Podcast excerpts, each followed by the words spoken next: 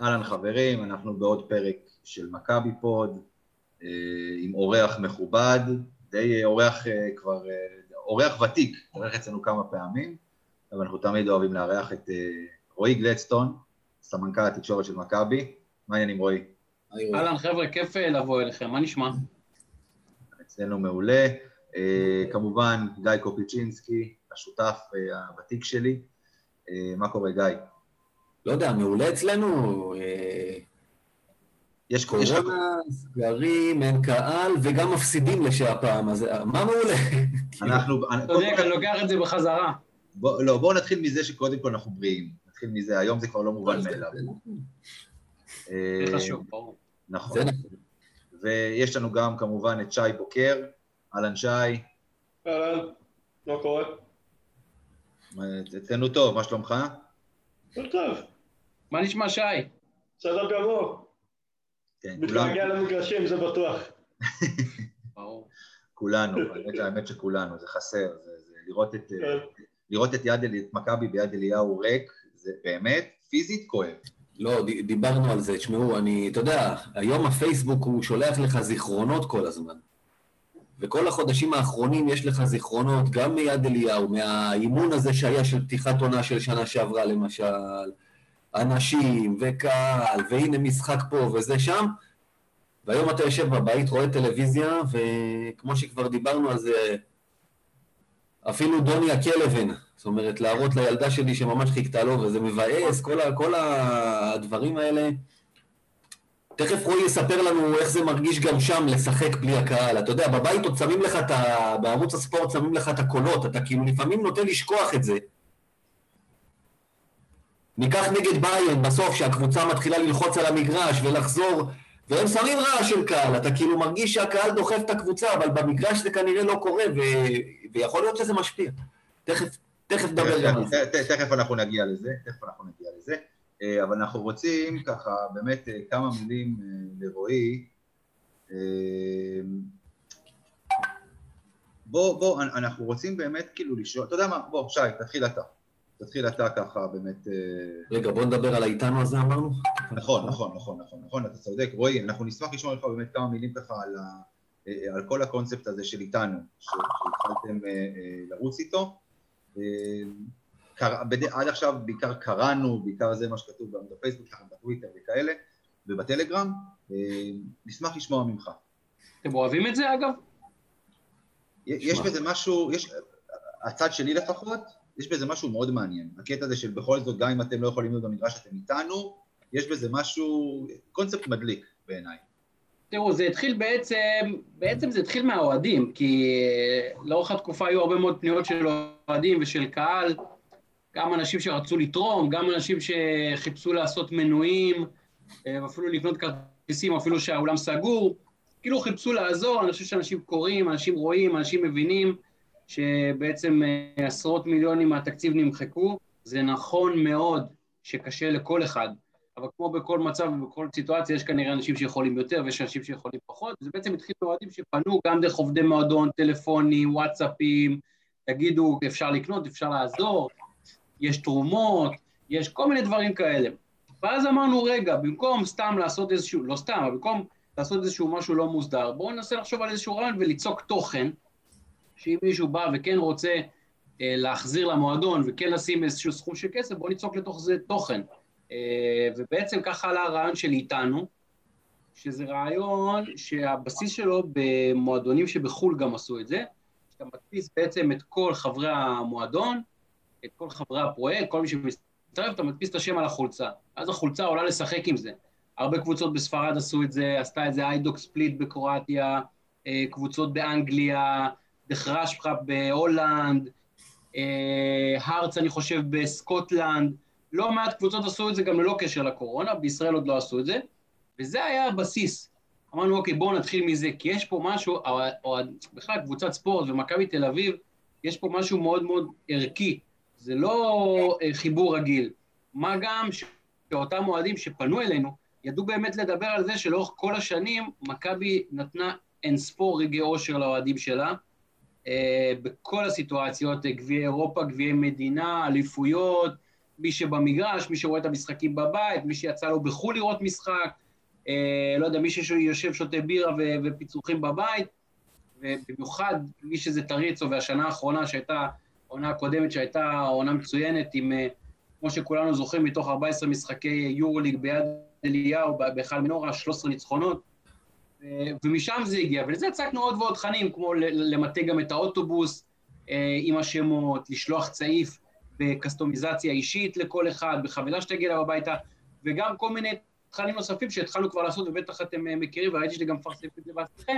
הייתה שיחה עם ניקולה, הייתה שיחה עם יאניס, שיחת זום לחברי איתנו, ויהיו עוד ועוד דברים. זה בעצם הרעיון שמאחורי הדבר הזה, הנרטיב שמאחורי הדבר הזה, ואני חושב שזה באמת אה, משהו שהוא יפה. אה, שאלה בקטנה על העניין הזה, אולי אה, שני דברים, על ההמשך. בימים, בימים האלה, קודם כל, בהמשך, כמו שאתה אומר, הקהל לא איתנו, אז אנחנו מנסים שיהיו. שנה שעברה היה את המסך הזה שחזרה ליגת הקורונה, ליגה שלנו, בניתם שם ביד אליהו, והוא ירד. והרבה שאלו אותי או אותנו בקבוצה, למה ירד המסך הזה? כי זה דווקא היה נחמד לראות אותו ברקע, נותן איזושהי תחושה. דבר שני, יש משהו שראינו, ואני ראיתי בשני מקומות, בבועה ב-NBA וב wrestling, ב-WWE, שהם לא יכולים עדיין להחזיר קהל, הם גם עשו את זה עם אנשים שמחוברים דרך אה, אפליקציות שונות שיושבים, אה, יש מסכים מסביב,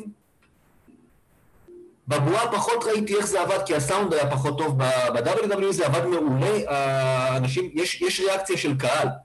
היה, אה, לא יודע, אה, יש ניסיון לעשות דברים כאלה, או לתת תחושה שיש קהל, אני חושב שזה יכול מאוד לעזור גם לשחקנים.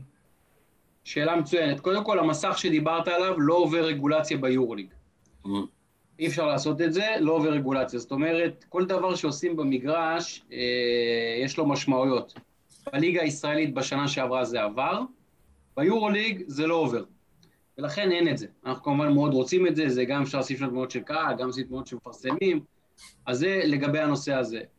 אה, יש הרבה מאוד דברים, אני חושב, בשדה משחק שהקהל הרחב לא מבין, אולי אפשר להסביר את זה אה, דרך ליגת האלופות. אם תשים לב, המיתוג למשל של ליגת האלופות בכדורגל, ה-Champions League, אם אתה מסתכל, כמעט כל המגרשים נראים אותו דבר. אומרת, לפעמים יש לך דיסאוריינטציה, אתה לא יודע אם אתה נמצא עכשיו באיצטדיון ב... לא יודע, באיטליה או באיצטדיון באנגליה. כי המיתוג הוא אותו דבר, השלטים באותו מקום, זוויות הצילום הם אותן זוויות, כמות המצלמות היא אותה כמות. וכל דבר הוא זה, אתה לא יכול לעשות בעצם אה, כביכול מה שאתה רוצה, אלא יש כמו ברנד בוק, וככה זה צריך להיראות. אז גם כמובן יש את זה אולי לא בפרפקציוניזם או ברמה מעוקצת, כמו שיש את זה בליגת האלופות של הכדורגל, של פפה, אבל היורוליג בהחלט הולך לכיוונים האלה. זה לגבי הנושא הזה. לגבי הנושא של פרצופים, כן, יש אה, מחשבות, בדיקות לעשות דברים כאלה, גם יש עניינים טכניים, אה, כיצד אפשר לעשות את זה וכיצד יראו את המוסר. מה שכן אנחנו עושים, וראיתם את זה במשחק נגד ביירן, זה בעצם חברי איתנו, אנחנו מדפיסים קאט-אוטים שלהם, יצא לכם לראות את זה? כן. ושמים את זה על הכיסאות, היו כאלה שהדפיסו את הילדים, היו כאלה שהדפיסו את הכלבים, לא יודע אם יצא לכם לראות את זה, ובעצם. בכל משחק בית יהיו עוד ועוד, שחברי איתנו, ובסופו של דבר גם השחקנים יחתמו על הקאט-אוטים האלה, ואותו אוהד יקבל את זה אליו, אותו חבר איתנו יקבל את זה אליו הביתה, הוא יוכל לבוא ולאסוף את זה, ולקחת את זה. אז אתם תראו פרצופים, אולי באמת זה לא יהיה אה, על המחשב, אבל, אבל יהיו פרצופים ויהיו עדים שכאילו יהיו במגרש. היתרון במחשב זה שהוא גם מעודד אותך, זה, זה כמו, כמו שאני יושב עכשיו, אתה יודע, במצב כזה אנשים יצעקו, אנשים יעשו רעש, אני מניח, זה בכל זאת נותן יותר מהקאטבורדים שלא מעודדים אותך ברגע שאתה צריך אותם, בכל זאת. נכון, אבל גם, אני לא יודע אם יש לזה סאונד, וגם יש לזה, הבועה היה משהו אחר, כל מגרש היה סגור, פה כן המגרש פתוח, כן יש לוחות מודעות, אה, בעצם לדים שאפשר לשים בהם פרסום, אה, גם ב-NBA היו לדעתי משהו בין 300 ל-400 איש אז הכמות היא מאוד מאוד מצומצמת. המצב הוא מורכב, אה, המצב הוא מורכב והוא בעייתי, אין מה, אין מה, אין מה לדבר, אין מה לדבר. טוב, בואו אנחנו נעבור אה, אה, לשאלות שרצינו ככה, באמת כמה שאלות שרצינו לשאול אותך. שי, אתה, אתה מוזמן להתחיל. כן, אז כמובן, שנה שעברה בתחילת העונה התחלתם קצת איתי עם כמה הפסדים צמודים.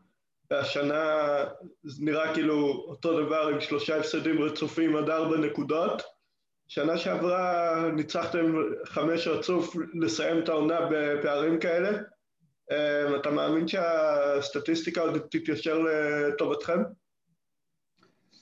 כן, שי, אני מאמין בהחלט. תראו, אה, אני חושב שמה שאנחנו רואים עכשיו זה באמת, אה, אנחנו עדיין לא מחוברים לגמרי, זה מן הסתם ברור. גם דיברתי על זה קצת בפורומים וקצת שואלים אותנו, אז הכנה, הכנה לעונה שלנו, אפשר להגיד, לא הייתה קיימת. עוד פעם, זה פשוט בשביל להעמיד את הדברים על דיוקם ולדבר על העובדות. אה, זה כמובן לא תירוץ בשום שלב, אבל צריך, צריך לדבר על העובדות. הליגה, היו, כל הליגות באירופה לא חזרו לשחק אחרי שהתחילה הקורונה, מלבד שלוש ליגות, ספרד, גרמניה, ישראל. וגם מהליגות שחזרו, ישראל סיימה הכי מאוחר, בסוף יולי. לדעתי ארבעה או חמישה שבועות אחרי הליגה הגרמנית. הדבר הזה עשה בעצם שני דברים. דבר אחד, כל ה pre-season שלנו וכל ההכנה של הקבוצה לעונת 2021, העונה שאנחנו משחקים בה עכשיו, נדחתה ונצבר פיגור משמעותי מול היריבות שלנו. היריבות שלנו רובן נכנסו ל pre-season במרץ, בדקו את השוק, עשו שינויים, התחילו להביא את השחקנים. כשרוב הקבוצות היו מוכנות במהלך חודש יולי וכבר הבינו לאן מכוונות, אנחנו שיחקנו על האליפות, עוד מה שנקרא עם הסגל הקודם. וזה בהחלט יוצר בעיה. Uh, בסוף יולי סיימנו, ברוך השם לקחנו אליפות. Uh, הייתה אליפות uh, שנהנינו ממנה עד כמה שאפשר, כמובן בעידן הקורונה, אבל אליפות חשובה מאוד. השחקנים קיבלו חודש חופש, מחויבים לזה, בעצם התחילו לחזור לפה בסוף חודש אוגוסט. והשחקנים, בטח מארצות הברית, חוזרים וצריכים להיכנס לבידוד, אפשר להתאמן לבד, אבל במסגרת הקבוצתית, שיאניס מקבל את כולם ומטמיע את השיטה שלו ומתחיל להניע את הגלגלים, זה לוקח, אה, לוקח זמן, ואת כל החבר'ה האלו הוא קיבל פחות או יותר בין ה-10 ל-14 לספטמבר. ואחרי שבועיים, שבועיים וחצי, כבר היה המשחק הראשון של היורליג ב-1 באוקטובר. בדיחה. אז תוך שבועיים זה חסר תקדים, כשלקבוצות האחרות היה חודש וחצי, היו קבוצות שאולי היה להם אפילו כמעט חודשיים, זה מאוד מאוד משמעותי. תחשבו איך מכבי נראית היום. קבוצה כמו אפס הנדול הוא שולם שבעה חודשים, כי הקבוצה לא כן. השתנתה והם סיימו במרץ. כן, תחשבו איך הקבוצה נראית היום.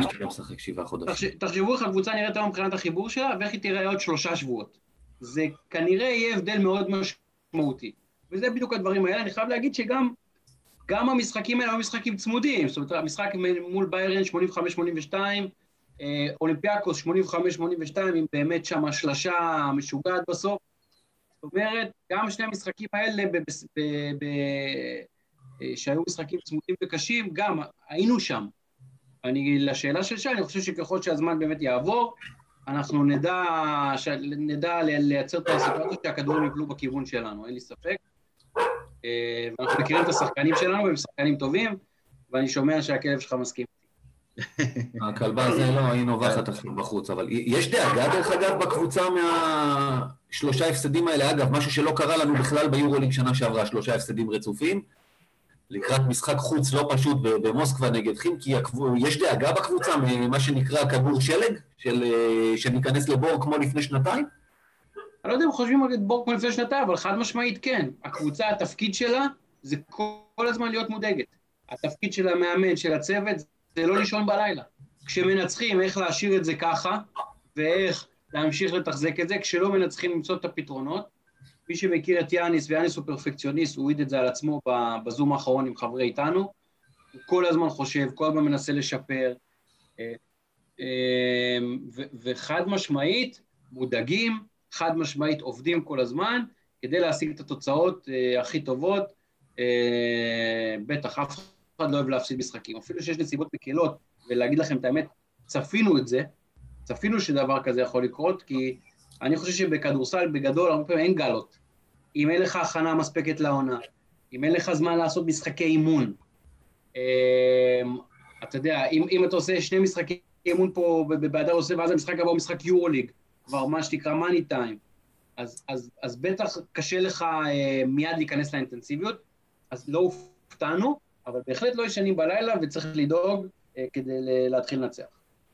אה, אוקיי, אוקיי. רועי, אני אשאל שאלה הבאה, היא אולי תהיה קצת, אה, תישמע לא נעימה, אבל אתה יודע, אנחנו רק נסביר רגע בקצרה. רועי כאן, כי אנחנו חשבנו שחשוב שהוא יהיה כאן אחרי שהיה לנו איזשהו אה, פוסט בקבוצה שלנו של אוהד שאמר שההנהלה צריכה לתת את הדין על ההכנה הלא טובה, ורועי שם אה, ענה באריכות ובצורה יפה, וחשבנו שדווקא טוב, הנה, ואז אנשים אמרו שזה דוברות מטעם, אני חשבתי שדווקא טוב לשמוע את התגובה של הקבוצה לטענות של אוהדים. קודם כל אני דובר מטעם. לא מתבייש לא, בזה. לא, שאנחנו אני... דוברים מטעם, בזה שהבאתי את הדברים שלך, הפכו אותי לדובר מטעם, זאת הכוונה. אתה יודע, אני חשבתי שמביאים דברים והקבוצה מגיבה, ראוי להביא אותם, אבל בסדר, אבל אז זו הסיבה שאתה פה. אני רוצה לשאול, כי יש סוגיה, ואתה יודע מה, אני אנסה לכרוך את זה בכריכה אחת, ולמרות שזה שני נושאים נפרדים, א', הפציעות, ב', השילוב של שחקנים כמו דרגן בנדר ואנטה ז'יז'יץ'. יש טענות של אוהדים, יש בעיה של, כמובן לא כולם, אבל אני רואה הרבה כאלה שמרגישים עניין של חוסר אמון, מה שהם קוראים לזה, בינם לבין הנהלת הקבוצה. כלומר, איפה זה מתבטא? זה מתבטא בזה של הפציעות, שזוסמן, די ברטולומיאו, כספי, אה, דיברו איתנו, עכשיו אני מדבר איתנו כי גם אני אוהד, אתה שומע כאוהד בתקשורת, במדיה, שזוסמן זה לחודש, חודש וחצי, וג'ון די ברטולומיאו יחזור לתחילת העונה, ועומרי כספי, אתה שמעת כבר שנה שעברה, הנה עוד חודש הוא חוזר, עוד שבועיים הוא חוזר, אף אחד מהם עדיין לא כאן. אז איך אנשים אומרים? הם מקבלים תחושה שעושים לנו אה, מה שישראלים אה, מאוד לא אוהבים ועושים לנו הרבה כישראלים, שנקרא סלאמי. כל פעם זה עוד קצת ועוד קצת ועוד קצת, שהטענה שלהם שההנהלה יודעת מראש ולא רוצה להגיד במרכאות שזה פציעות ארוכות יותר, וזה יוצר איזשהו חוסר אמון, ולמה לא אומרים לנו את האמת. החלק השני שנוגע לזה, על, אתה יודע, דרגן בנדר, שכמו שאמרת, הגיע מאוחר, ובינתיים רואים את זה, אז אה, עולות הטענות של אה, ניקולה מסדר לחברים, מה שנקרא. כמו שז'יז'יץ', כמו שזה, ועוד פעם ההנהלה לא דואגת לצד המקצועי, אלא דואגת לחברים. זה כאילו, שוב, הכל בתוך סוגיה של אוהדים שמרגישים איזשהו חוסר שקיפות וחוסר אמון, ואני יודע שאין בי, שהפציעות לא קשורות לזה, אבל אתה יודע. טוב, קודם כל... רועי, רועי, רועי, שנייה, לפני שאתה עונה, אני רוצה להגיד משהו לגבי מה שאתה אמרת עכשיו בסוף, לגבי הניקולה מסדר לחברים. מעניין, בעונה שעברה, שמעתי פחות את הדברים האלה, כי הקבוצה הצליחה. עדיין היו את אלה שסימנו את ניקולה כמטרה, שמו לו כוונת לייזר על המצח, ולא משנה מה, תמיד יתקפו אותו, לא חשוב. כשהקבוצה הצליחה, זה היה בזכות יאניס, כשהקבוצה נכשלת, זה בגלל ניקולה. זה כבר שנים אנחנו רואים את זה, אבל עוד פעם, בעונה שעברה כמעט ולא שמעתי את הטענות האלה, כמעט ולא ראינו את הטענות האלה, אבל עכשיו, כשהקבוצה פתאום שלושה הפסדים רצוף, ובנדר באמת, עוד פעם, לא נראה טוב, ויש לזה סיבות הגיוניות גם. הוא הגיע חודש אחרי כולם. בדיוק. אז פתאום עוד פעם כל העכברים האלה צצים מאחורי. זה, זה... תראו, קודם כל, אני חייב להגיד לכם, האוהדים שלנו והאוהדים של מכבי זה הכוח של מכבי, ולפחות לפי איך שאני מסתכל, זה מותר להם להגיד הכל. זאת אומרת, מותר להם, זה מה, זה מה שהם מרגישים מהקישקע שלהם, זה מה שנראה להם, והם uh, פולטים את זה החוצה, וזה על הכיפאק, זה סבבה. אני פה כדי לתת לכם מבט מבפנים, איך, איך, אה, איך נראים הדברים. אה, אז בעצם היה פה קצת שאלה ארוכה, אז בואו בוא תחזיר אותי אחורה, מה, מה בעצם השאלה? אני אחזיר אותך שוב, אני אגיד על העניין של הפציעות. תשמע, אני גם יודע... אה, אה, אה אוקיי, אוקיי. אז, אז תקשיב, גיא, לגבי הנושא של הפציעות, תראו, יש הרבה פייק ניוז. יש הרבה ידיעות אה, בחלק מאמצעי התקשורת, ש... זה מטעמם. זאת אומרת, הרבה פעמים אני יכול לקרוא כותרת באמצעי תקשורת, שחקן X חוזר תוך שבועיים לשחק. ואז עוברות, עוברים השבועיים, והוא לא חוזר, ואז יש איזושהי התמרמרות של הקהל, מה, אבל הנה, הם מורחים אותנו, כמו שאמרת, סלאמי. מכבי לא אמרה שהוא הולך לחזור תוך שבועיים. לכתבים יש את המקורות שלהם, אה, מכבדים את כולם, לפעמים זה מדויק יותר, לפעמים זה מדויק פחות. לא, אבל יש לכם הודעות מועדון, או שגם אני רואה אותם, וגם אמיר רואה אותם, וגם זה שאתם למשל שחררתם הודעות, למשל בזמנו על טריק בלק, או על עמרי כספי, או על קווינסי אייסי. דרך אגב, קווינסי אייסי גם, הנה, דובר על עשרה ימים בשנה שעברה, לפי מה שאני יודע, עד היום הוא עדיין פצוע. אם אני, אני יודע שהוא איתכם בקשר, כמה שאני יודע הוא בקשר עם הקבוצה גם היום, וכמה שאני יודע הוא עדיין פצוע, הוא לא חזר. אתה יודע, התכתבתי איתו לפני שבוע, ראיתי עם הבן שלי צבי הנינג'ה, והוא מופיע שם, אתם יודעים? קווינסי אייסי בצבי הנינג'ה. כן, יש את צבי הנינג'ה מ-2016, יש שם קטע במדיסון סקוויר גרדן, שצבי הנינג'ה שם למעלה, והם באמצע משחק של הניקס. אה, וואו, אוקיי, לא, לא ראיתי את הסרט. אז קווינסי שיחק בניקס אז. והוא מופיע בסרט. אוקיי. אני בדיוק ראיתי עם הבן שלי, שלחתי לו הודעה, שלחתי לו תמונה שאני והבן שלי רואים את קווינסי, אז קצת התכתבנו. אה, איש מקסים קווינסי. תראו, לגבי הנושא של, ה, של הפציעות, קודם כל, יש הרבה דברים שהם אירוע מתגלגל. כשקווינסי אייסי למשל נפצע באותו משחק נגד אה, הפועל ירושלים לפני הפלייאוף בשנה שעברה, עשו לו MRI, ובבדיקה לא ראו נזק משמעותי. זאת אומרת, רצועות תקינות, לא חס ושלום היה קרע במיניסקוסים שלפעמים קורה, קורה בברך, ולא היה איזשהו צורך ניתוחי. ברגע שאין לך ממצאים כאלה, אז אתה יכול להעריך שיש שם איזושהי חבלה או משהו כזה, ו- ואתה יכול להעריך את החזרה שלו בחזרה קרובה. נכון. וזה בדיוק מה שהיה. עכשיו, הרבה פעמים יש את התחושה של השחקן.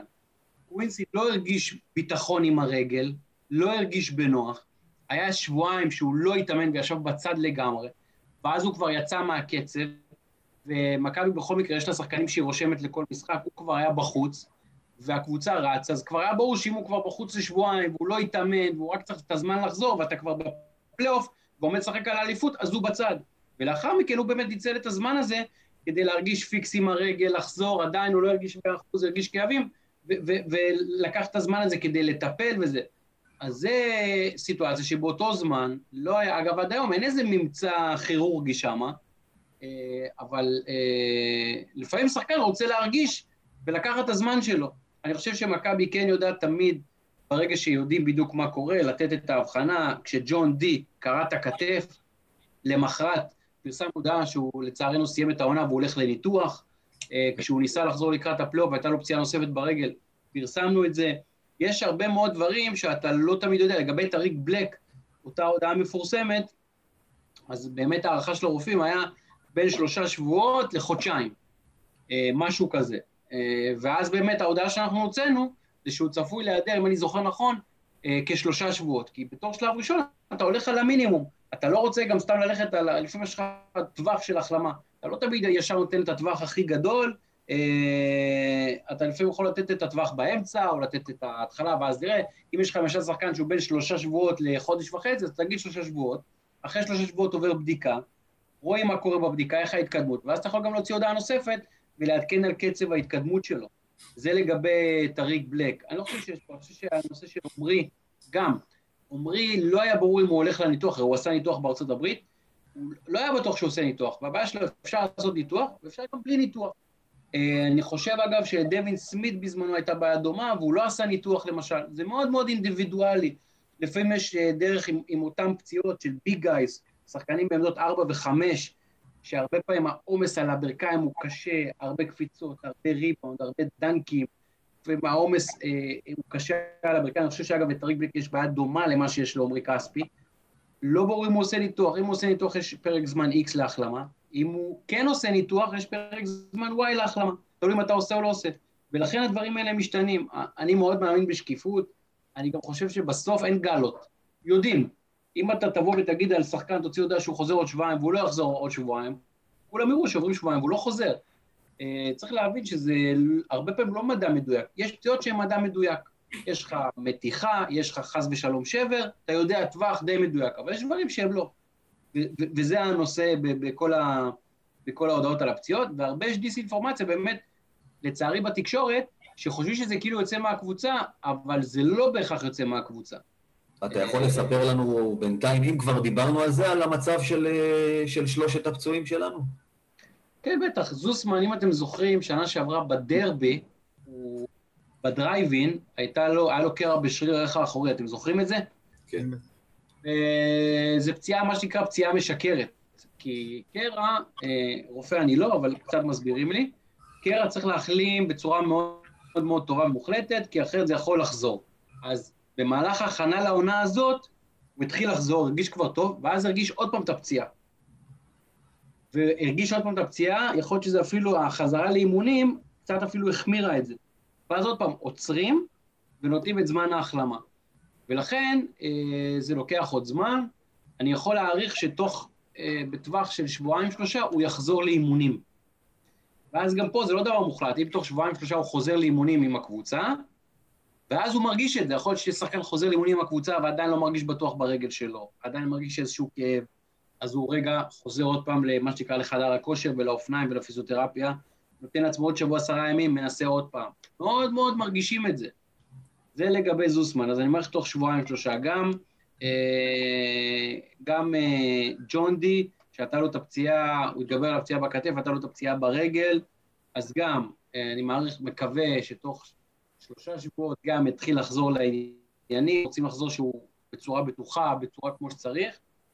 אה, וזהו, זה, זה כרגע העדכון עכשיו. ועוד פעם, גם החבר'ה האלה שלא שיחקו הרבה זמן, רק אחרי שהם חוזרים לאימונים עם מגע, אז אפשר בעצם לדעת איך הם מרגישים, מה משך ההחלמה, אם הכל בסדר, ממשיכים בהתקדמות עד לחזרה למשחק, ואם לא, עושים חישוב מסלול מחדש, ורואים מה עוד צריך לעשות, אולי עוד זמן וכדומה.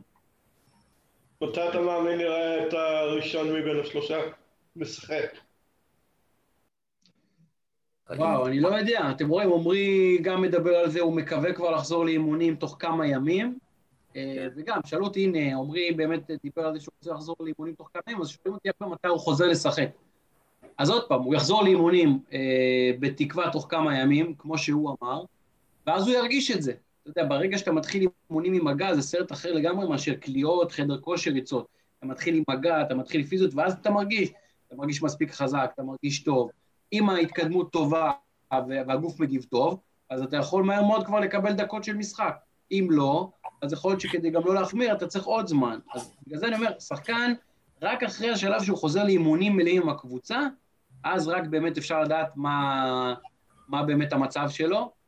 אה, אני לא רוצה סתם לזרוק מי הראשון מהשלושה, אבל יאניס בעצמו אמר שהוא מקווה שכל השלושה יחזרו לשחק במהלך חודש נובמבר, וזה גם מה שאני מקווה שיהיה. תגיד, הגישה של עמרי, אם אה, שי נגע בו כבר, אה, אתה, אתם אולי רואים מחויבות, כמה הרצון שלו לחזור, אתה יודע, הנה, היה, היה את הדיון באינסטגרם שלו עם אוהד, אתה בטח מכיר את זה. אגב, האוהד התנסח מאוד יפה, גם הוא לא קילל, הוא לא משהו כזה, הוא החמיא לו על הפודקאסט שלו ואמר, אתה רהוט ורואים כמה אתה אינטליגנט, אבל אני מרגיש, ואני אומר לך שאני, עוד פעם, בכובע של אוהד, יש את הדבר הזה, אצל הדתיים יש דבר כזה שנקרא מראית עין, חבל שאבי רויזמן לא פה איתנו אולי כדי להסביר לי את זה, אבל שזה אומר למשל סתם, למה אתה לא מדליק טלוויזיה בשבת אם בא לך לראות ברצלונה ריאל מדריד שנפל בשבת, ואתה יכול להדליק הלכתית את הטלוויזיה לפני שבת ולהשאיר אותה. עד כאן שיעור הלכה. אין פסול הלכתית, אבל זה מראית עין, אם השכן יראה, אתה כאילו מחלל שבת או מעודד. אז הוא גם דיבר על מה שהרבה אוהדים מרגישים. לפעמים גם אני מרגיש את זה, אומר את האמת, של מראית עין שכספי נראה, איך אומרים, פעם קרא לנו לזה בבית ספר, המורה אמרה, אתה יותר מדי שמח. זה נראה שלא בוער לו, מה שנקרא. אז אה, אתם רואים את לא, לא, הגישה לא. שלו אולי יותר מקרוב, לחזרה. קודם כל, אני יכול להגיד לך שעומרי כספי זה חוויה בשבילי להיות בסביבתו. חוויה. מקצוען, מלמעלה עד למטה, רציני, שעות במגרש ובחדר טיפולים, אה, מכביסט, מאוד אוהב את המועדון, אה, מכוון את ה... אתה יודע, עושה דברים שלא בהכרח חייבים לעשות, מכוון את החבר'ה הצעירים, נותן טיפוטים שם, אתה יודע, סתם כל מיני דברים קטנים. אה, שמעון מזרחי נמצא באימון, הולך, מה שלומך, איך אתה מרגיש, איך אתה מתמודד, כאילו, הוא אישיות ממש. עכשיו, בתור מי שהיה בעשר שנים בארצות הברית, ה-state of mind, ואולי שי יוכל להגיד על זה מילה, ה-state of mind בארצות הברית שונה מה-state of mind בישראל או באירופה. בארצות הברית, אם תשים לב, אה, השחקנים הם מאוד מאוד אינדיבידואליים, יש להם את הדברים שלהם, אתה רואה אותם בניגוד מוחלט לאירופה וגם לישראל, הם פעילים חברתית, הם יותר אומרים את דעתם הפוליטית. להרבה מאוד שחקנים גדולים יש פודקאסטים בארצות הברית, שחקני NBA, שחקני פוטבול, הם מתארחים בפודקאסטים אחד של השני, הם עושים לייבים בסושיאל מדיה, דעתם נשמעת, הם אנשי עסקים, אבל בטח השחקני NBA זה שחקנים שהם כישרונים מאוד, והם עשו אה, לפעמים גם עשרות מיליוני דולרים בקריירה שלהם, הם משקיעים את הכסף, הם מבינים, יש להם חברות, קרא את אמר אסטודמאייר, זה קונצרן מטורף, עם יקבים, עם חברות, עם, עם עובדים בשביל, עם הרבה מאוד אנשים שעובדים בשבילו הברית ומתחזקים את המותג הזה של אמר אסטודמאייר. וזה לא בהכרח מעיד על זה שהראש לא בכדורסל. זה קטע אחר. פה, באירופה, מה שנקרא, אנחנו מאוד טוטאליים. אנחנו מאוד מאוד, אה, אה, כאילו, לא יודע, אולי מתעסקים בדבר אחד. המנטליות האמריקאית היא שונה. עכשיו, עמרי, בתור מי שעשר שנים חי את המנטליות הזאת, ועשר שנים זה המון זמן, זה גם כל השנים שהוא התעצב, זה מגיל 20 עד גיל 30. אז זה חלק ממנו, זה טבוע בו. ואם זה לא בא ב...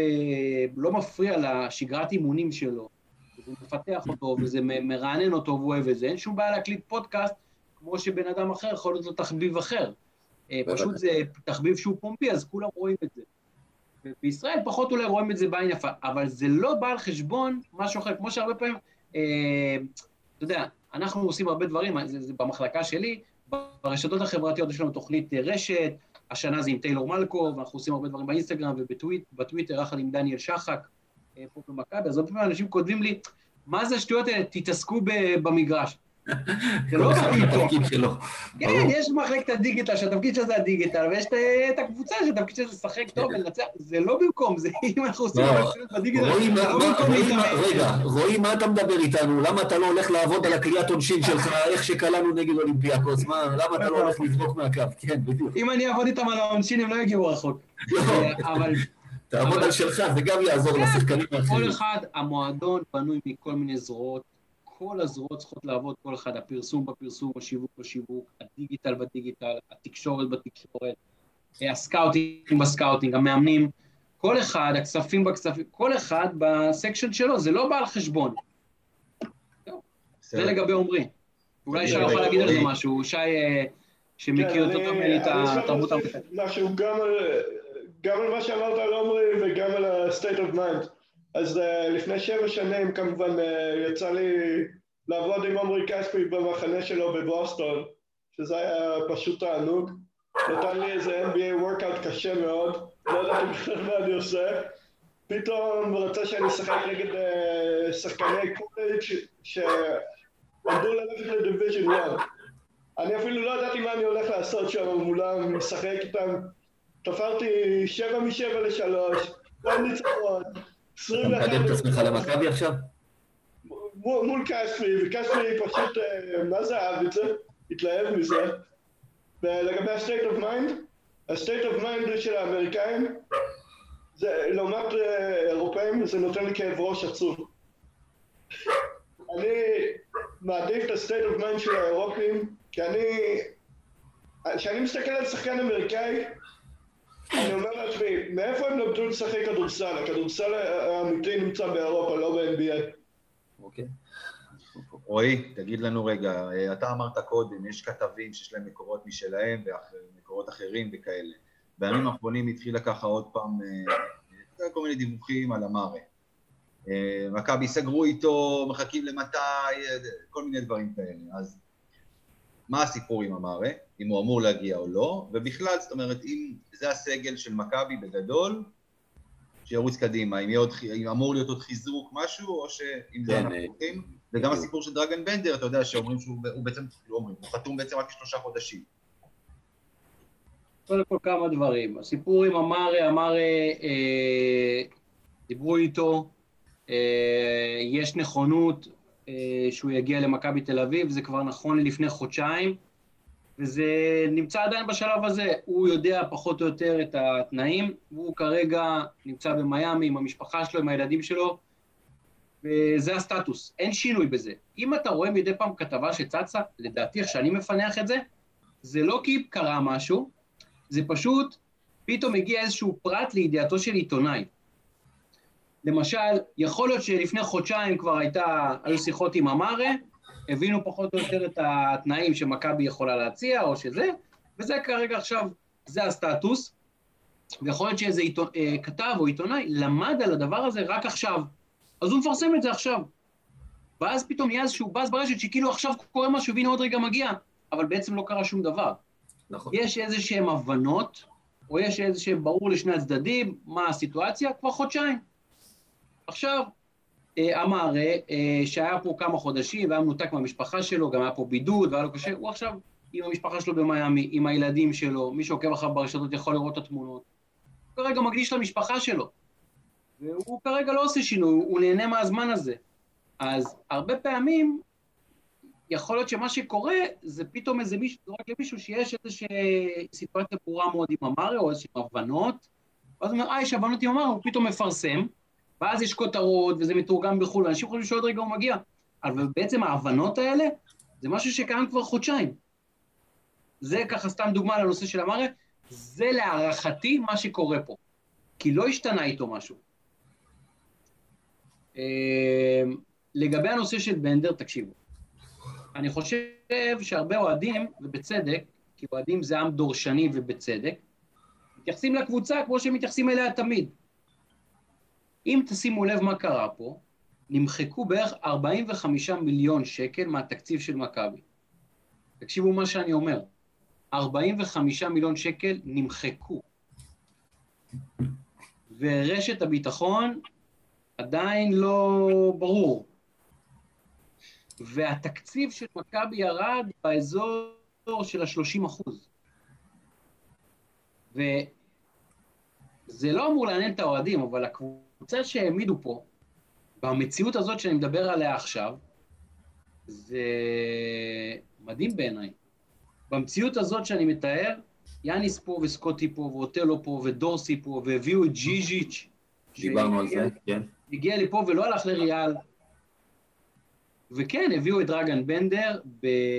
בסיטואציה באמת שהיה צריך שחקן בעמדה ארבע. קווינסי, כמו שיאניס בעצמו אמר, כולם מאוד אוהבים את קווינסי, וכולם רוצים לראות פה את קווינסי, הוא קונצנזוס.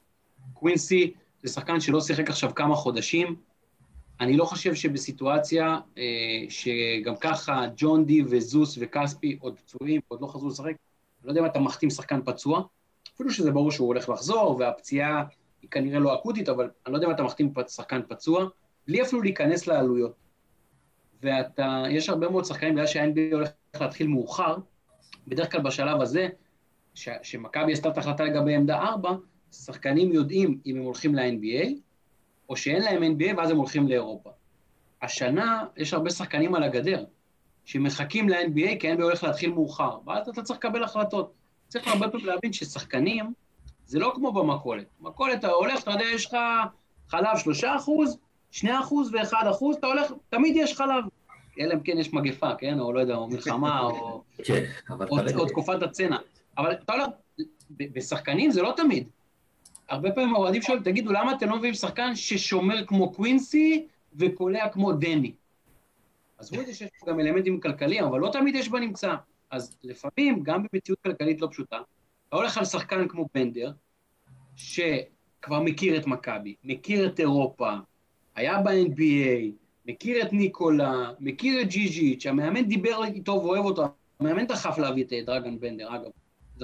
הנה פרט חשוב, כי כבר שמענו שוויצ'יץ' עשה את זה בניגוד לדעתו של יאניס, נכון אמיר? היה איזה משהו כזה. ברור שהיה, ואני יכול להגיד לכם גם לא, שאנחנו שמחים שאתה אומר את זה, רועי, אבל אני מבטיח לך... חבר'ה, אי אפשר לעשות, אי אפשר לעשות בניגוד לדעתו של יאניס. יאניס, קרופולוס, הוא אוטוריטה, אין דבר כזה. רועי, אנחנו יודעים את זה, באמת שאנחנו יודעים. אנחנו רואים את זה, ראינו את זה בעונה שעברה, ורואים את זה... אבל עוד פעם, אני אחזור למה שאמרתי יותר מוקדם, אלה ששמו את הכוונת על המצח של ניקולה, לא יאמינו למה שאתה אומר, וזאת בעיה שלהם. עדיין צריך להגיד את זה, זה לא משנה. ברור, ברור, ברור, צריך להגיד את הדברים האלה, אין ספק בזה בכלל. לא, אמרתי, שנה שעברה ניקולה החליט שהוא לוקח שנת שבתון מלהתערב בקבוצה, כן. ונתן הכל ליאניס, השנה אמר זהו, נגמרה ההפסקה, מעכשיו עוד פעם אני קובע ולא שואלים את יאניס. וזה כן. אנשים שכנראה ישבו איתכם בחדר, כן. כי הם יודעים בדיוק מה שהולך שם, כאילו, כן. ויש להם ידע, כי ככה זה נראה. אני לא יודע דברים כאלה, אבל אוקיי, שזה אנחנו פה. אה, הנושא של ניקולה זה נושא שתמיד אה, כיוונו אליו אה, חצים, אני מתאר לעצמי, כי הוא הספורט דירקטור, אבל בסדר, כנראה זה ככה, זה בא עם המקצוע, אתה יודע. רועי, באמת, בוא נחסוך לנו את הזמן הזה, עוד פעם, של להגן על ניקולה וויצ'יץ', כי זה לא משנה מה נגיד, ולא חשוב מה יקרה, גם אם מכבי יקחו את היורוליג זה בזכות יאניס, שמעון, דיוויד ועמי ביטון. ניקולה אף פעם לא יקבל את הקרדיט שמגיע לו, את זה אנחנו... אני חושב שכולם כולם בסירה, לטוב ולרע, ככה אני רואה את זה, אני חושב שכמו שאתם אומרים, וידעתם שנה שעברה, היינו מקום ארבע, ארבע וחצי כזה, אה, וזה מדהים בעיניי, וכמובן שהרצון לעשות את זה שוב, זהו, אתם יודעים, בסוף זה יש עניין של סיטואציות, יש עניין תקציבי, יש עניין של מי שיש לך על המדף, אה, וזה חלק מהעניין. צריך, וצריך להבין את זה. ואפשר גם לא להבין את זה. זה, זה מה שמגניב בלהיות אוהד, אתה לא אתה יכול להגיד מה שבא לך, בסדר. בדיוק. בסדר גמור. טוב, שאלה... אני רוצה פרארי. אוקיי, שאלה, שאלה אחרונה. גיא. כן. האמת שהפתעת אותי רגע. מה אז אני, לנו? אז אני אשאל, אז אני אשאל, אז אני אשאל. אה, רועי, אתה הגעת למכבי בעצם ישירות מהתקשורת. אה. אה, סוג של כן. הייתי כמה לא, זאת חודשים בחוץ. הייתה לך הייתה לך תקופת צינון, אבל כאילו התפקיד הקודם שלך לפני מכבי היה באמת בערוץ הספורט. כן. עכשיו, אתה, כשאתה עבדת שם בעצם בערוץ הספורט, אתה מן הסתם רצית שהכל יהיה פתוח, זאת אומרת, מה זה פתוח? ש, ש, שתדע כל מה שקורה בקבוצה, בקבוצות שאתה מסקר בעצם, בענף שאתה מסקר. היום כסמנכ"ל התקשורת באחת מהקבוצות האלה, יש את הדברים שמן הסתם אתה לא, לא היית רוצה שנדלפו החוצה, שהם צריכים להישאר בתוך המערכת, בתוך המועדון. השאלה פה בסופו של דבר זה כאילו, אם אתה מנסה, אם, אם צריך לנתק אותך רגע משני התפקידים האלה, ולשים אותך בעצם, אתה יודע, שאלה אה, אה, בצורה הכי פשוטה, מה החזון שלך, איך הדברים אמורים להיראות, כאחד שהיה בשני הצדדים האלה. גם, גם מול הקבוצה וגם בתוך הקבוצה. תחדד לי את השאלה, מה זאת אומרת איך הדברים אמורים להיראות? גיא. בין קבוצה, בין קבוצה לתקשורת, כמה, כמה אתה מבחינתך אומר צריך להיות פתוח, לשתף, לספר, וכמה אני צריך לשמור לעצמי מה שקורה, דברים בקבוצה, לצורך העניין. כן, באופן טבעי, קודם כל אני בגישה שלי, הגישה שלי היא שק- היא גישה של שקיפות, גישה פתוחה. כמובן שיש דברים שאין עניין בלשתף אותם יותר מדי. אה, קבוצת כדורסל, יש הרבה מאוד דברים, אה, הרבה מאוד עבודה, הרבה מאוד דברים אה, מתחת לפני השטח, הרבה מאוד מהלכים שעושים, אז זה דברים שלא תורמים לקבוצה. כמובן שאתה נמצא בתוך מערכת, אתה צריך לה- להיטיב עם המערכת. ו- וזה משהו שהוא מאוד מאוד חשוב. אני כן מאמין בגישה שקופה, אני חושב שיש הרבה מאוד מגע תקשורתי למכבי תל אביב עם התקשורת. בעצם אנחנו מזמינים, עכשיו בגלל הקורונה אנחנו מגבילים את זה בגלל ההנחיות שכופים עלינו ובצדק, אבל, אה, אבל לפני כל משחק יורוליג אנחנו מזמינים את התקשורת, גם בית וגם חוץ, למסיבת עיתונאים, הם יכולים לשאול את המאמן מה שהם רוצים, מוציאים שחקנים, אפשר לשאול אותם מה שהם רוצים. אה, אחרי משחקים יש מסיבת עיתונאים, מאמן, שחקנים, אפשר לשאול מה שרוצים, אה, משתדלים להיות שקופים עד כמה שניתן. אתה יודע, יש דברים שבאופן טבעי, הדוגמה הכי, הכי ברורה לנושא של שקיפות, לדעתי, הדוגמה של לפני כמה חודשים, שחזרנו בעידן הקורונה, אז בעצם הבאנו את השחקנים שלנו לכפר המכבייה. כולם זוכרים את הסיפור הזה. אה, ואז שם ארגנו להם בעצם בידוד בכפר המכבייה, הם יוכלו לרדת למטה למגרש כדי להתאמן עד שהקבוצה תהיה ביחד. ואז גם, אגב, עוד לא ידענו אם יהיה יורוליג או לא. אה, חזרנו, ידענו שתהיה ליגה, ויורוליג עוד זה היה לפני שידעו. ואז התלבטנו. אמרנו, אולי נוציא הודעה שאנחנו מביאים את השחקנים. לכפר המכבייה. כי זה היה דבר מאוד יפה, מכבי כקבוצה מקצוענית שדואגת לשחקנים שלה. הלכנו, קיבלנו אישור ממשרד הבריאות, הלכנו, עשינו פגישה עם uh, קציני הביטחון של כפר המכבייה, דאגנו במלון כפר המכבייה לקומה לשחקנים שמגיעים מארצות הברית שהם יהיו מבודדים שם. שהם אוכלים או בחדר שלהם או בחדר אוכל שמוקצה רק להם, ומוקצה רק להם ומבודד. דאגנו להם לפעם או פעמיים ביום אימון באולם של כפר מכבייה, כאשר מחטאים ומ- ומנקים אותו לפני שהם מגיעים ואחרי שהם הולכים. בדיקות חום כל יום, בדיקות סטורציה כל יום. ממש עשינו פרוטוקול שקיבל סטמפה של משרד הבריאות, והיה, עשינו עבודה, אמרנו, חבר'ה, בואו נדברר את זה. אבל אמרנו, רגע, אם נדברר את זה, יהיו נשמות טובות שיסכלו את זה. הרי אם אנחנו מתחילים בתהליך הזה, ואני מוציא הודעה ואני אומר, חבר'ה, השחקנים העבודים הולכים לכפר מכבייה, מה קורה?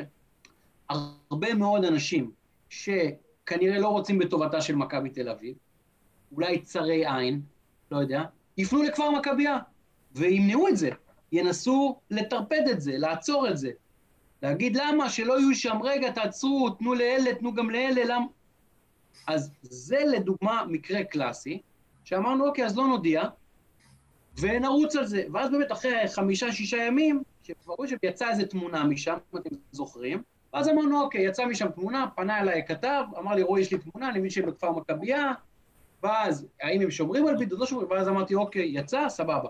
הראיתי לו את הפרוטוקול, אה, הסברנו את הדבר הזה והוצאנו את זה, אה, והדבר הזה בא, בא לידיעת הציבור, וזה כבר היה בימים האחרונים של הבידוד שלהם, ואז גם אולי מי שרצה במרכאות לתקוע מקלות בגלגלים כבר לא היה מספיק. אבל זו דוגמה קלאסית, שכנראה אם הייתי מודיע לפני, או אפילו ביום שזה התחיל, מישהו היה מנסה למנוע את זה.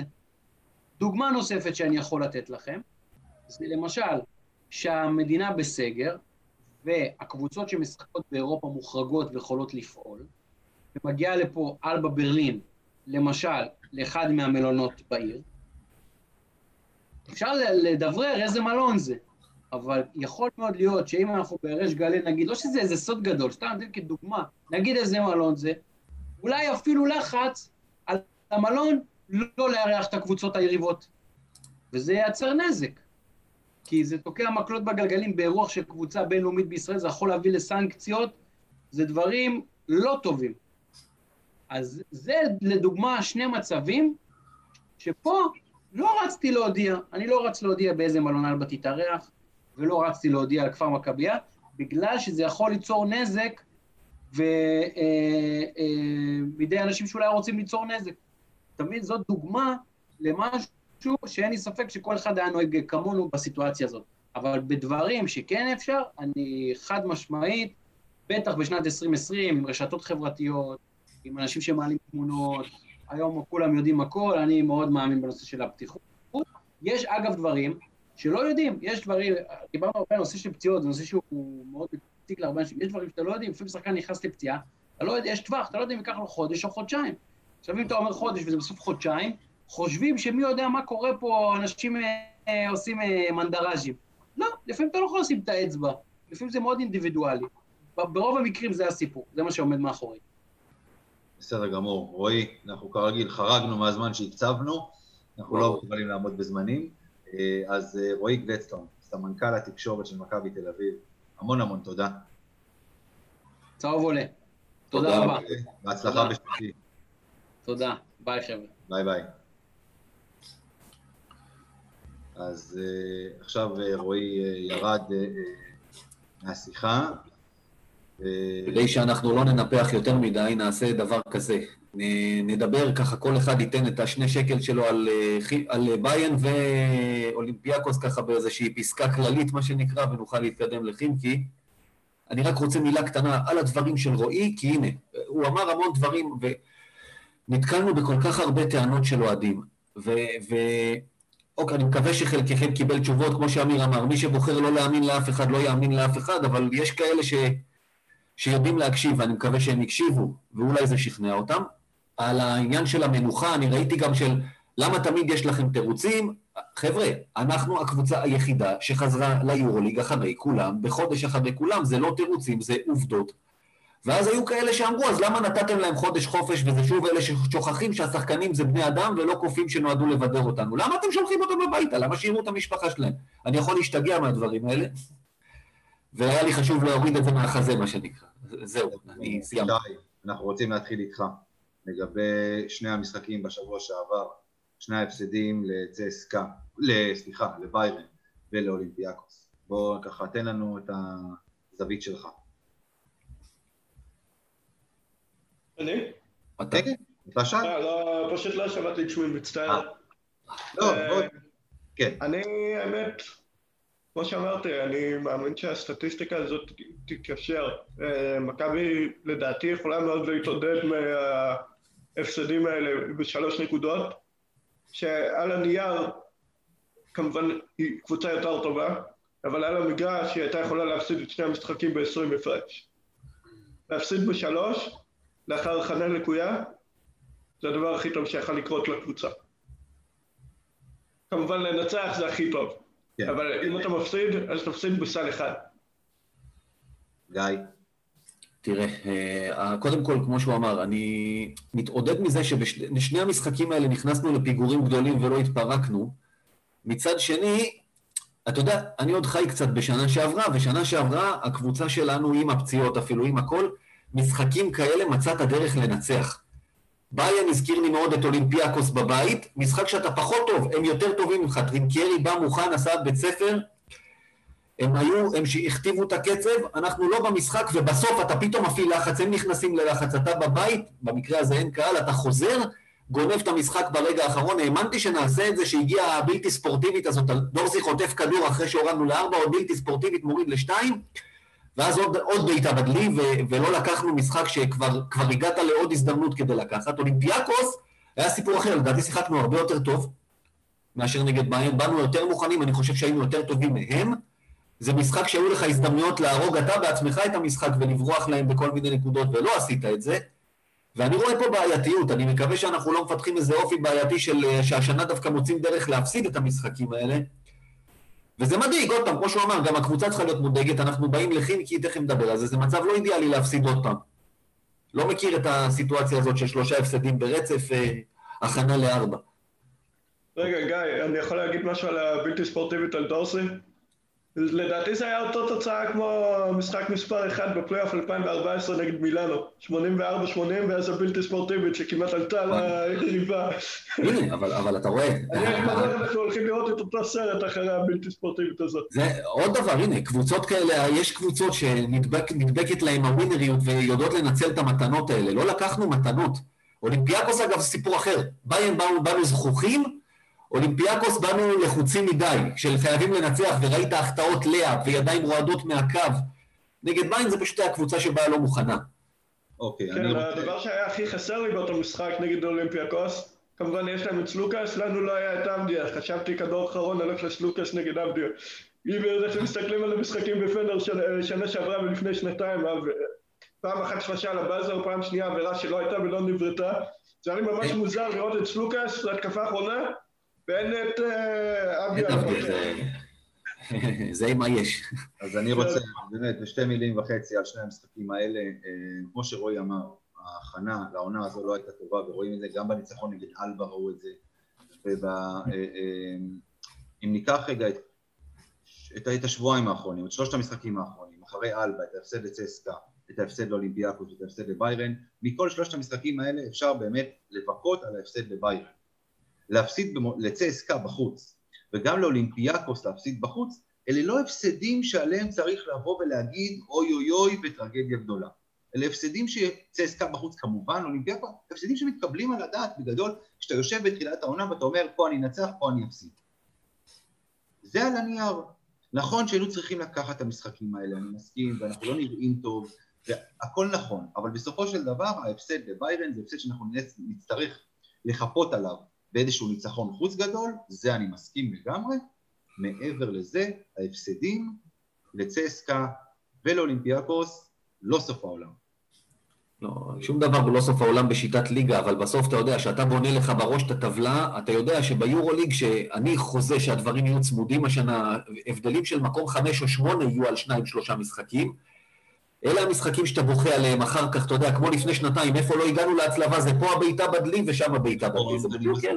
אני מסכים איתך, אני מסכים איתך, אבל בסופו של דבר היורוליג התחיל לפחות, עוד פעם, אני לא יודע מה יהיה בהמשך.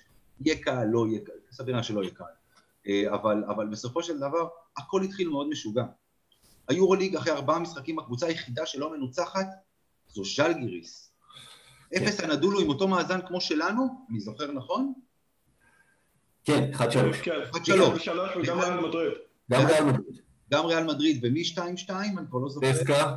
צסקה 2. פנר, כן. לא כן. חסר עוד 2-2. זאת אומרת, הכל התחיל מאוד מאוד משוגע. בסופו של דבר זה התיישר. ז'לגיריס לא תישאר עד סוף העונה במקום הראשון, וגם לא בין הארבע הראשון. הנה נתון מטורף על ג'לגיוס, שנה שעברה התחילו שלוש ושלוש, אז הפסידו תשע משחקים רצופים בהפרש חד ספרתי, ועדיין, בלי, בלי הקורונה הם היו בפלייאוף, לדעתי. בסדר, עדיין, בסופו של דבר זה התיישר, במכבי יש לה קבוצה כן, בדיוק. אה, אה, אז, אז בואו באמת עכשיו נתקדם הלאה. אה, בואו נתכונן לכימקי. גיא. שמע, בקצרה. באים אנחנו באים עם הגב לקיר, מול קבוצה שבאה עוד יותר עם הגב לקיר, עם 0-4, שבאמת אה, גם אחת מהקבוצות שסובלות מקורונה פלוס פציעות יותר מבלבל שלנו. צריך להזכיר מי שהיה פצוע עד המשחק הזה. קודם כל אלכסי שווד, הכוכב הגדול, סטפן יוביץ' שהביאו מריאל בהרבה כסף, גרג מונרו שהביאו מביין בהרבה כסף, זה, זה הסטארים שלהם, והם באו לשחק אה, עם שחקנים, אתה יודע, ב-level, איך קוראים לו, חואקין שוחמן כאלה, הם היו צריכים לעלות ליורוליג פחות או יותר. ועכשיו אנחנו שומעים שככה, ששווד, הנה, חזר כבר בווטב, לא עזר כרגע, אבל אתה יודע שאז הוא התחמם נגדנו. יאניס סטימה, שהוא שחקן מאוד חשוב להם, שחוזר, אה, ג'ורדן מיקי, שבא מריאל מדריד, חוזר, הכל כמובן בדיוק בשבילנו, איזה כיף. הם בבית, בסוף קהל אין שם, נכון? אבל אה, תשמע, זה רוסיה, לך תדע, הם יכולים לעבור עכשיו לשחק לפרבר אחר, ואז כן יהיה קהל, אבל בואו לא נשכח שעוד פעם, גרג מונרו, נכון לעכשיו, שוב, גרג מונרו לא משחק. לא. אה, ויש עוד שני שחקנים. יוביץ' לא משחק, כן. יוביץ' לא משחק ועוד אחד, שאני באמת עכשיו אני ברח לי השם שלו, אבל גם הוא... ג'ורדן מיקי אמור לחזור. לא, הוא חוזר, כן. ג'ורדן מיקי כן. יש להם, יש להם אה, שלושה שחקני בוסטון לשעבר שמאוד אהבתי, כשגרתי בבוסטון הייתי, הייתי צופה בהם הרבה, דווקא שנה שעברה אחרי המשחק נגד חימקי, אה, כמובן לא הייתי חלק מהתקשורת באותו יום, אבל תפסתי את ירמקו אחרי המשחק, סתם דיברנו וזה. אה, הוא אישית יודע מה הוא מביא לקבוצה הזאת. כמובן שגם מאוד מתגעגע לארצות הברית. קפאת על זה שהיה לי חולצה של אה, בוסטון ישר. אגב, גם שם... אה, יש שם אחלה שחקנים, גם אה, יצא לי לפני שנתיים שסיקרתי נגד חימקי בהיכל, יצא לי לדבר עם ג'ורדן מיקי. יש שם קבוצה מעולה. תשמע, יש לנו בהיסטוריה איתם כמה מותחנים אה, מאוד גדולים. ב-2013 היה 80-79 בבית, אה, שנה שעברה שני משחקים טוב. בחוץ הם היו יותר טובים, בבית יצאה הנשמה עד שאלייג'ה בריינט הכריע את המשחק. סך הכל, דרך אגב, אנחנו 7-3 נגדם לטובתנו בעשרה משחקים בהיסטוריה של היורוליג. בחוץ אנחנו 3-2 לטובתנו, זה גם לא מגרש שהיה לנו יותר מדי קשה בו לאורך השנים, כי גם שיש שם קהל, זה לא איזה קהל... הקהל ברוסיה? לא, לא הקהל המוסקבאי הוא לא ממש קהל אה, לוחץ, לא, אבל גם, גם אם יהיו שם כמה מאבטחים של פוטין שהם יכניסו לעשות רעש, אה, זה, זה, לא, זה לא משהו שזה יפריע, אבל אה, בשנים האחרונות הם עושים לנו יותר צרות, צריך לומר. תזכיר לי, סל הניצחון של בלום, באיזה שנה זה היה? 2011. כן, זה מה שחשבתי. אם אני לא טועה, אה, ב-2014 מכבי ניצחה אותם באיזה נקודה, נראה לי, בהיכל. אמרתי, 2013, כן, 80-79. יש לנו כמה, שוב, הם, הם אף פעם לא עושים חיים קלים, אני לא מצפה שגם עכשיו, מי שיש לו לב חלש ומצפה לאיזה טיול, שישכח מזה, יהיה שם משחק קשה. כן, ברור. אה, אנחנו, אה, מפאת קוצר הזמן, אנחנו לא, לא יהיה לנו היום הימורים ושיעור היסטוריה, אה, אבל יהיה לנו הימור אחד, אבל לפני שאנחנו מגיעים לזה, יש עוד משהו שאתם רוצים להוסיף לקראת המשחק נגד פינקי? מישהו מכם? לא. לא. מעולה. אז הימור אחד, מאוד מאוד פשוט, יום שישי. מי מנצח? מאוד פשוט. יאללה, בבקשה. אני הולך על 85-77 אה, למכבי תל אביב, 40 פלוס מהספלאש בראברס. לא עושים בוויל ביקן. הימור מדויק משהו. כן, גיא? יש להם מ-17 ל-3 לאלכסי שווד. לא, לא כזה מופרך שהוא יזרוק 17 לשלוש במשחק. כן, גיא. תשמע, אני עכשיו מפחד, מה אני אגיד לך? כי אני יודע למי אתה תלך, ועוד פעם, שבוע שעבר היינו כולנו פה אחד, ואז תראה כמה ירדו עלינו אחרי זה על הדבר הזה, וחטפנו שני הפסדים, של איזה אופטימיסטים אתם. אני לא, לא יודע, אני אומר, אני לא, לא יכול להיות שנפסיד ארבעה ברצף. יהיה צמוד ולא לבעלי לב חלש, שלוש למכבי. אני הולך על שמו, שב, שבע, שבע הפרש למכבי. אה, אני עוד פעם, נכון, אמרו לנו אופטימיסטי, ואמרו לנו גם אה, זכוכים. לא, לי שקוראים לי אופטימיסט זה משהו שמאוד קשה לי לעבור עליו לסדר היום. לא, לא, לא, לא, לי קראו, לי קראו זכוך. לי קראו שאני בא בגישה זכוכה, ואני באתי וחזרתי ואמרתי, יש פה קבוצה טובה, זה לא עניין של זכיחות, אני מגיע כל משחק כדי לנצח, וככה גם מכבי. אמ, בסופו של דבר זה יתחבר העניין הזה. בסופו של דבר זה יתחבר. אה, אז אנחנו נסיים כאן את הפרק של היום. אה, שי בוקר, המון המון תודה. בכיף. גיא קופיצ'ינסקי, תודה רבה. תודה רבה לכולם. וכמובן תודה לרועי גלדסטון שהיה איתנו פה בפתיחת הפרק. ניתן תזכורת, אה, גם שאין שיעור היסטוריה כמובן, מחר בדף יעלה שיעור היסטוריה עם התקציר. מעולה. אז תודה לכם, ויאללה. יאללה. תודה רבה.